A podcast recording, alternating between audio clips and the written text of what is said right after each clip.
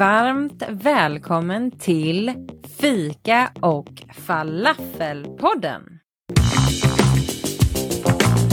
En fullspäckad godispåse fylld av föräldraskap, olikheter, djupa samtal och mycket humor.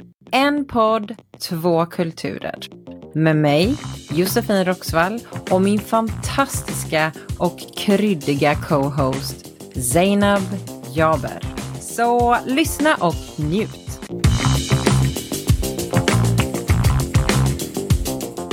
Så nu är vi här. Vi är här och vi är redo. Jag tänker alltså varmt välkomna våra lyssnare. Det här är vårt första avsnitt och det är sjukt spännande. Jag heter Zainab och eh, jag, vi kanske ska berätta hur vi träffades först. Det här känns lite... Ja men visst, alltså vi kan dra hur vi träffades. Eh, du kan säga hur vi träffades och sen så jag, måste jag eh, ta upp det här smset som verkligen skildrar just det här som vi vill förmedla, alltså två kulturer. Så mm. take it away. Hur, eh, hur, hur möttes vi? Jag heter, jag heter Zainab. Eh, jag är 33 år och jag jobbar som IT-konsult eh, på heltid egentligen. Och jag är mamma till två små barn. En som är snart sju och pre-teenager och en fyraåring. Jag är ensamstående på heltid och eh, när jag inte IT-konsultar så brukar jag inte sitta och, och chilla i soffan utan jag eh, hittar på massa roliga saker. Och en av mina saker som har växt på senaste, det är en, min TikTok-kanal. Min TikTok-kanal är ju mycket om min vardag som ensamstående mamma som också försöker göra en karriär och hur man får ihop det. Och det här är ju någonting jag brinner för att lära, lära och stötta andra mammor i att ge inte upp på er själva bara för att ni är mammor i princip. Så det var lite där vi träffades egentligen. Eh, du, jag hade sett dig på LinkedIn Josefin. Jag har alltid sett att du kommer upp där och du kommer med så sjukt många tips. Och jag har alltid tänkt på att det här känns hon gör någonting jag vill göra. Det är inte samma nisch men du gör någonting jag har drömt om att göra. Sen var det någon dag när du skriver till mig på TikTok och eh, saker bara hände efter det. Magic. Precis. Du skrev någonting eller du skrev ett inlägg på LinkedIn om det här med att vi måste, vi måste stötta ensamstående mammor och att det är verkligen inte ett enkelt liv. Och jag tyckte bara att du var en sån här mega power lady slash momboss. Och jag bara tyckte att du var så här, du var så kryddig. Precis som i min introduktion om oss så tyckte jag bara så här, den här kvinnan vill jag träffa. En podd, två kulturer. Du skrev så här. Det här var så kul. Eh, du skrev till mig så här. Ah, så pepp efter vårt samtal. Jag ska kolla upp allt inför inspelning och återkommer i helgen. Och sen skrev du, hur mår du? Och sen så hade inte jag svarat på hela den dagen. Så skrev jag, hej, förlåt för sent svar. Vi är på landet hos mina föräldrar. Vi har sågat massa träd och varit ute i skogen. Och du bara, om vi i framtiden ses så lovar jag att hjälpa dig göra den perfekta hummusen. Om du lär mig någonting om skog. Det var, det var bara så klockrent sms.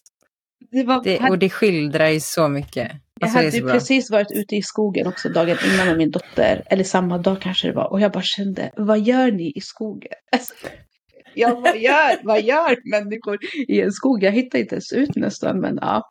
Så jag är jävligt imponerad av er som håller er ja. i naturen. Jag hittar inte ut nästan. Jag är bara nyfiken innan vi går in på din bakgrund och vem du är, Zina. Vad tyckte du var alltså, det jobbigaste och det mest utmanande att bli förstagångsmamma? Ehm, jag kommer säga något nu som jag hoppas en del ändå känner trygghet att det är så, men som man inte pratar om. Och jag kommer ihåg att för mig, i min graviditet var enkel. Eh, och min fertilitet har jag aldrig haft problem med. Så jag hade en ganska okomplicerad eh, graviditet och förlossningen gick jättebra. Däremot, när de la min dotter på bröstet för första gången och det enda jag har hört och sett i filmer är folk tittar på sitt barn och bara du är min livskärlek, jag älskar dig så mycket. Och jag kommer ihåg att jag tittade på min dotter och bara var det du som låg i mig? Ta bort henne. Och det var inte att jag inte älskade henne, det var att jag inte kunde få den där anknytningen direkt. Och jag kommer ihåg att min barnets pappa, min, min, min exman, han var det var liksom det bästa som hade hänt honom. Och jag kunde titta på honom när han bar henne och typ grät. Min mamma var också med på förlossningen. Mm, vi kan gå in på det där någon annan dag. Ehm, och hon var också så här jättebra, mitt första barnbarn. Och jag var så, nej, jag är inte redo för det. Vad har jag gjort? Och jag tror det där pratar man sällan om, utan den här pressen på att du ska älska ditt barn direkt. Men alltså hur ska jag älska någon jag vet inte vem du är? Så jag blev så ledsen, för jag försökte så hårt att få den här att det tog mig kanske två, tre veckor innan jag faktiskt en dag bara wow, det här, det här är min dotter, gud. Alltså det var, då blev jag overwhelmed, men det var, det var jobbigt. Um, och även amningen, den ska vi inte ens diskutera. Jag fick ju inte igång amningen, jag har ju stora bröst i onödan. Um, det här är inte mjölkproducerande bröst det här, det här är bara här. Snyggt! De är bara nice to De är have. nice to have ibland. Um, och jag fick inte igång amningen. Hon vägrade greppa. Och den här anknytningen, att det, det var jobbigt. Och så hade jag fem barnmorskor över mig en dag som greppade och tog på mina bröst. Och jag började gråta för jag ville bara ge ersättning och de var så emot det. Jag försökte pumpa i två månader, sen gav jag upp. Men jag har ju aldrig ammat. Och det här att det är faktiskt jättenormalt att inte kunna amma och att det är helt okej att inte göra det. Det är inte heller något man pratar om utan du ska amma. Och så, jag brukar kalla dem för amningshäxorna. För de stod på mig och skrek på mig och jag bara grät. Alltså, det var hemskt. Jag kommer aldrig... Men gud. Skrek de ja, på bara? Du gör fel, du ska ta tag i... Så tog en som verkligen tog tag i mitt bröst så hårt och bara... Nej, alltså det var hemskt. De två saker, anknytning och amning. Det var och det var ingenting man pratade om för att människor jag umgicks med på den tiden pratade om hur underbart det var med att få barnet på bröstet och bara det här är min livskärlek. Och jag var så här, jag lägger ut en Instagram-post om att du är min livskärlek men innerst inne visste jag inte vad jag höll på med. Eh, och det är jättenormalt. Oh, alltså du, du säger något så sjukt viktigt här, alltså det här med sociala medier, att man, man lägger ut den här bilden och vill så gärna känna mm. så, men så är det inte så. Alltså jag kommer, apropå det här med att komma upp på bröstet, eh, vi, vi kommer prata om våra förlossningsupplevelser och sånt eh, i ett annat avsnitt. Men när Matteo kom på mitt bröst, vilket var eh, kejsarsnitt, så han var så här, kläggig och det var gult slime på han och jag låg ju där med de här eh, armarna, jag kunde inte röra mig och bakom skynket och bara kände hur någon liksom sydde i mig samtidigt som jag fick en väldigt illaluktande liten skrikig sak på mitt bröst och jag bara få bort den liksom. Så den sprack också ganska mycket för mig. Eh, jag grät när jag hörde honom skrika för att jag bara okej okay, skönt, han är okej, okay, men det där med att ligga på bröstet, jag bara nej men kan vi bada han mm. först? Mm. Eller så. Så där har jag det. Amningen vill inte ens... Vi, det där är ett ämne för sig. Ja. Som vi tar i ja. ett annat avsnitt. Och vem är du Zainab? Var kommer mm. du ifrån? Hur är du uppväxt och Eh, vad har lett dig till det, där du är idag? Jag, jag hade ju inte en internationell uppväxt utan jag är uppvuxen i Katrineholm, en ganska liten stad. Många åker igenom Katrineholm för att komma vidare i livet åt andra roligare ställen. Men jag växte upp som en eh, jag var ganska tillbakadragen. Jag har alltid varit energi och sånt där, men jag passade aldrig in. Och jag, någonting jag alltid tar med mig är att jag passade aldrig in. Jag var så här, försökte så mycket passa in. Jag kom från ett ställe där kultur eh, inte var så vanligt som det är idag. Alltså inte rasism utan kultur, att man växte upp bland människor som inte förstod varför man var på ett visst sätt eller varför man åt viss mat. Skulle man utflykt på skogen så var inte liksom mamma och pappa experter på att ja, folk hade varm O'boy i en termosflaska. Eh, jag vet inte vad jag fick med mig liksom. Det var, det, var så mycket kulturkrock från eh, från den tiden som har satt mycket och format mig mycket i livet. Men jag flyttade därifrån, började plugga mm. på Linköpings universitet i datavetare och har eh, jobbat in som IT-konsult sedan 2012. Så hur många år? 11 år inom den här branschen. Eh, jag är 33 år, by the way. Ehm, och eh, jag älskar ju mitt jobb. Jag började som programmerare. Men jag kände aldrig att mitt kall var att sitta och programmera, utan jag har alltid velat förstå användaren mera. Så jag drog mig mer mot UX och eh, krav. Jag blev mamma också mm för sju år sedan snart. Eh, jag gifte mig ganska ungt. Eh, jag kommer från en bakgrund där data var no-no och man gifte sig. Sen träffade jag min exman och allt gick ganska snabbt. Och det är för att du åker inte och träffar honom utan saker ska ske direkt. Och det var ju det jag var uppvuxen med, så för mig var det inte ovanligt att man gifte sig så snabbt. Var, när, hur gammal jag var du nu? Jag är 33 nu. Jag gifte mig när jag var 24. 24 när du gifte dig, det är, är också ungt. väldigt ungt. Så det gick ju ganska snabbt. Och jag kommer ju inte från en bakgrund där jag har dejtat. Alltså jag hade inte min, den här unga perioden mellan 19 och 25 där jag faktiskt bara gick all in och dejtade och lärde känna mig själv. Eh, och jag älskade honom, så det var ingenting. Det var mitt val. Jag var ju inte tvungen att göra det här, men ja. Så jag gifte mig, skaffade barn ganska direkt, blev gravid som 25-åring. Och sen så blev jag gravid igen, två år senare, 2018. Och sen fick jag en till då, men under min graviditet så hände det lite saker. Så jag var ju tvungen att ta ett val i livet om jag vill stanna i en relation eller lämna. Och jag tog ju valet att under min graviditet separera och gjorde en graviditet ensam. Eh, samtidigt som jag hade min lilla tvååring att ta hand om. Gjorde henne blöjfri samtidigt. Eh, och behöva gå igenom en sorg. Och eh, ta ett val som faktiskt skulle förändra allt jag någonsin har drömt om. Och under den tiden bodde vi i Södertälje, så jag bodde ju i en stad där jag hade ingen, jag kände ingen. Så jag födde där och sen flyttade jag faktiskt tillbaka till Katrineholm med en tio dagars bebis och en eh, två och ett halvårig flicka. Och jag kommer ihåg den dagen var den värsta när vi när flyttfirman kom, packade ner allt, åkte före mig och jag sitter på motorvägen med min bebis och min dotter. Och han börjar gråta och hon gråter och jag gråter. Och jag stannar mitt på motorvägen för att min hjärna funkar ju inte då. För det är så här, alla grät, så jag behövde ju stanna på en mm. motorväg för att tysta ner alla innan jag körde vidare. Ehm, det tog mig lång tid att läka och förstå vem jag är som människa, hur jag ska klara det. Det var en jättejobbig period, jättejobbig. Men idag känner jag verkligen att mitt kall, så som du är, att faktiskt visa andra mammor, speciellt från min kultur, att det går. Om du vill så går det. Ehm, det tar tid. Det krävs mycket vilja, mycket tårar. Men att livet inte tar slut för att du blir ensam. Jag lär mig fortfarande sjukt mycket grejer och det är mycket som är lite tuffare att vara ensamstående. Men idag bor jag med mina barn.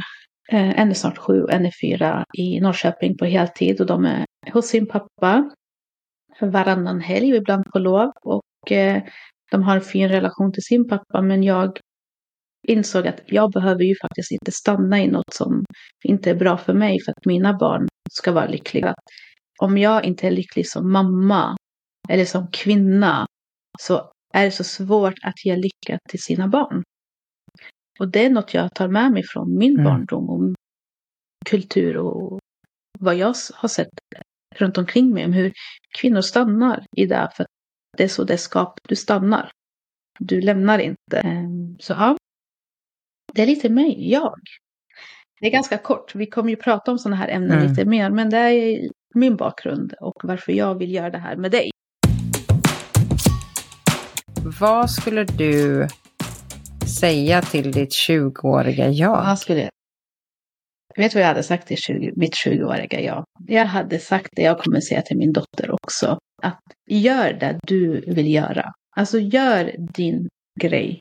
Skit i människor, hur svårt det än är att skita i folks åsikter. Men lägg inte energi på saker som bara tar din energi. Och känner du att något från början inte är, står rätt till, säger din magkänsla minsta lilla att det här inte är rätt, följ din magkänsla. Ehm, för något jag har tagit med mig i åren är att jag har en jävligt stark magkänsla men jag är dum och inte följer den. Och jag har många gånger satt mig i positioner bara, om jag bara hade. Och det är liksom det jag vill lära henne. Gör din grej. Trampa inte folk på tårna. Var inte elak. Men älska dig själv tillräckligt att du sätter dig själv först i fokus. För hade jag älskat mig själv, hade jag kunnat stå framför spegeln och på riktigt älskat mig själv som 20-åring, då hade jag, då tror jag att mitt liv hade sett mycket annorlunda ut. Men jag kommer från en bakgrund där mobbning var en faktor för mig och det var mycket som sänkte mig, att jag bara anpassade mig efter alla hela tiden. Och Zeinab var inte den Zeinab hon ville vara när hon var 20. Så det är lite sådana saker, att bara älska dig själv. Alltså det är också någonting jag fokuserar på min dotter, att även för min son, men jag tror att vi flickor, eller kvinnor oftast kanske är mer självkritiska också.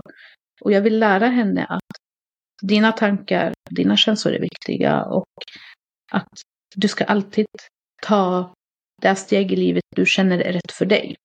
Så hon ska få forma sig själv och jag vill hjälpa jag vill... Där jag inte kunde, där någon inte kunde ge mig, det jag inte kunde ge mig själv vill jag ge min dotter. Um, och jag vill att hon ska älska sig själv. Idag älskar jag mig själv mm. för mycket ibland. Nej, jag älskar det alla mina kollegor som har varit utländska har alltid, alltså jag har liksom, det är där jag har känt mig som mest hemma av någon konstig anledning. Um, men apropå mobbning då, hur yttrade sig mobbning för dig? Jag har liksom alltid varit ensam. Alltså jag blev mobbad sedan ganska ung ålder. Alltså ettan, tvåan redan där. Jag hade kompisar, men problemet är många gånger så blev det ju så här kollektiv mobbning om man umgicks med mig och sånt där. Men det var att jag var utstött, hur jag pratade. Och jag vet inte varför, jag tror att barn ibland bara behöver hitta någon. Jag blev mobbad av lärare. Men det här växte ju med under åren och jag försökte hitta mig själv och försökte göra som andra flickor gör. Och ibland hittade jag vänner men det kom alltid tillbaka på något sätt. Men jag har alltid känt mig ensam. Alltså jag kommer ihåg att jag gick till mamma och grät och bara jag har inte mm. någon riktig kompis. Och det här följde med mig även under gymnasietiden. Även om man hade människor man umgicks med så hade jag aldrig min person. Så intressant. En otrolig kvinna sa en gång till mig, jag gick hos psykolog ett tag för att jag mådde inte så bra, jag hade mycket som jag inte hade bearbetat. Och när jag satt där hos henne och så sa jag, men jag känner inte att jag passar in, jag känner inte att jag har så mycket gemensamt med de här tjejerna jag är med. Och, Nej, men du är ett svart får Josefin. Och jag bara, eh, tack för den. Det var väl inte så snällt sagt, tänkte jag. Men som hon sa, det här är inte, jag menar inte det på ett dåligt sätt, utan jag menar bara att om du tittar ut över en äng av vita får och det står ett svart får där, så kommer det fåret att hur den än vill, eller hur den inte vill, kommer det att sticka ut. Och du kommer sticka ut och du kommer göra det hela ditt liv och därför så kommer det vara svårare för dig att passa in. Det är därför det är så viktigt att hitta andra svarta får. Så det jag har gjort efter det är egentligen att omvandla det till att man har någonting extra och det är väldigt viktigt att hitta andra svarta får. För du och jag hade ju inte varit där vi var ändå någonstans om vi inte hade gått vår egna väg. Spännande. Vad, vad tar du med mm. dig som mamma och när man går the magic-strecket och liksom 30 år där någonstans, när allt blir, man blir så mycket smartare. Mm. Alltså, jag kan, jag kan dra kort, min livshistoria lite kort och sen så drar jag den som en parallell för mm. att jag tror att den, den hänger samman. Jag har inte heller passat in för att det började ganska tidigt för mig. Vi flyttade till England när jag var sex år gammal. Och eh, plötsligt så skulle man lära sig ett nytt språk, man skulle gå på en kristen skola, vår familj är inte troende. Man skulle ha på sig en uniform som, man fick inte välja sina egna kläder. Älskar dock uniform idag vill jag poängtera för att det skulle ta bort mycket mobbning, det skulle göra det väldigt mycket lättare för tjafsen på morgonen om kläder och det skulle hjälpa familjer som inte har tillräckligt med pengar som inte kan köpa de här dyra kläderna. Men oavsett så rycktes vi ju ändå ur våra rötter som ganska små barn. Jag och min bror, min bror var tre så han har också varit lite liksom av en rastlös själ. Eh, men jag var nog mer än vad han har varit. Älskade min tid i England men sen så flyttade vi igen och då flyttade vi till Frankrike och där var det en väldigt tuff kultur. Där jag mötte på väldigt mycket eh, mobbning i form av att jag gick på en internationell skola men det var bara vi som var svenskar på den skolan och det här kan låta liksom så ytligt men jag blev snarare utsatt för att jag var blond och söt. Och det, det var ingen som förstod det. Och det förstår jag också för att när jag kom till min lärare eller till min mamma och sa oh, alltså de kallar mig Barbie. Och då var det som att då ville de givetvis stärka mig genom att säga se det som en komplimang och skit i dem. Men det, det gick ju så långt att jag inte fick vänner på grund av det. Alltså det var, det var de äldre tjejerna, det var de här coola tjejerna som var äldre än mig på skolan som såg till att så här, eh, men henne, henne får du inte umgås med. Så jag hade också mina liksom, utpekade kompisar i klassen och sådär, men på, på rasterna så var det liksom lite survival mode, liksom att man inte skulle komma i deras sikte. För att jag fick ju inte vara med på mycket och jag fick heller inte det var också en sak som togs ifrån mig att jag kunde inte vara tillsammans med den, poj den pojken som jag tyckte om för att då blev man utsatt. Eh, så jag fick liksom hitta vänner utanför skolan och träffa killar utanför skolan. Jag kommer aldrig glömma det. Det var någon, någon gång som jag hade försökt säga ifrån och vara så här bitchy tillbaka. Jag skapade ju mig själv en attityd när jag var i den åldern. Och Ehm, det blev mitt försvar. Att jag, jag tänkte inte ge mig. Så jag började käfta emot. Och jag fick stryk för det. ja, det fick jag faktiskt. Eh, så det var, det var en skör balansgång i skolan. Men så jag var ju så lycklig när vi flyttade hem igen till Sverige. Jag var åh blondiner överallt. Uh, uh, typ. Tack gode gud för det. Men det som, precis som du sa, det sätter sina spår i vem man, vem man blir och hur man är. Och jag började liksom leta väldigt mycket efter att passa in och eftersom jag fick chansen att vara med i det coola gänget så gjorde jag ju allt för att fortsätta vara med där. För jag vet hur det är att inte få vara med de coola för då kan man ju hamna, hamna i en väldigt utsatt situation. Idag är jag supertrygg och lugn som en filbunke men jag har varit allt annat än det. Jag har varit ett litet ja, men en liten virvelvind i mitt liv. Eh, och det tog, det tog 30 år innan jag hittade rätt person för mig. Och rätt person för mig var Kristoffer och Kristoffer har varit, alltså han är min raka motsats. Han är den som står där när det blåser. Och mm, han var perfekt för mig, för han stod där när det blåste. Och jag trodde inte att det var en sån person jag behövde, för jag har också fallit mycket för så explosiva, passionerade eh, personligheter. Eh, därav eh, jag la ut faktiskt på TikTok eh, igår eh, om narcissism och det kommer vi behöva göra ett avsnitt om. För den exploderade ganska rejält. Eh, men hur som helst så ehm, träffade jag Kristoffer och vi tänkte så här yes, nu ska vi skaffa barn och jag har alltid varit barnkär och det var allt annat enkelt. Alltså det var allt annat än det man fick lära sig i skolan. I skolan får du lära dig skydda dig, skydda dig, skydda dig, ta på kondom, använd p-piller. Och det gick inte och vi blev inte gravida och jag fattade inte vad det var för fel. Så eh, lång historia kort, det var allt ifrån rubbning i sköldkörteln till att sen Eh, få, så få vänta i ett år innan vi fick försöka igen och sen blev det eh, ett konstant liksom misslyckande. Det var graviditetstest och, och sådana här ägglossningstest och det ena med det andra. Och eh, det var missfall. Och missfall är också någonting som vi kan prata om i ett annat avsnitt. För det är, det är någonting man inte heller pratar om. Eh, jag upplever lite att det är så här, ja, men du fick missfall, det är naturligt, då går vi vidare. Men jag hade inte ens förberett mig på hur fruktansvärt ont det kunde göra. Och en skrapning var vidrigt. Det var fruktansvärt. Det var, jag var tvungen att, tvungen att få morfin för att ens liksom gå igenom det.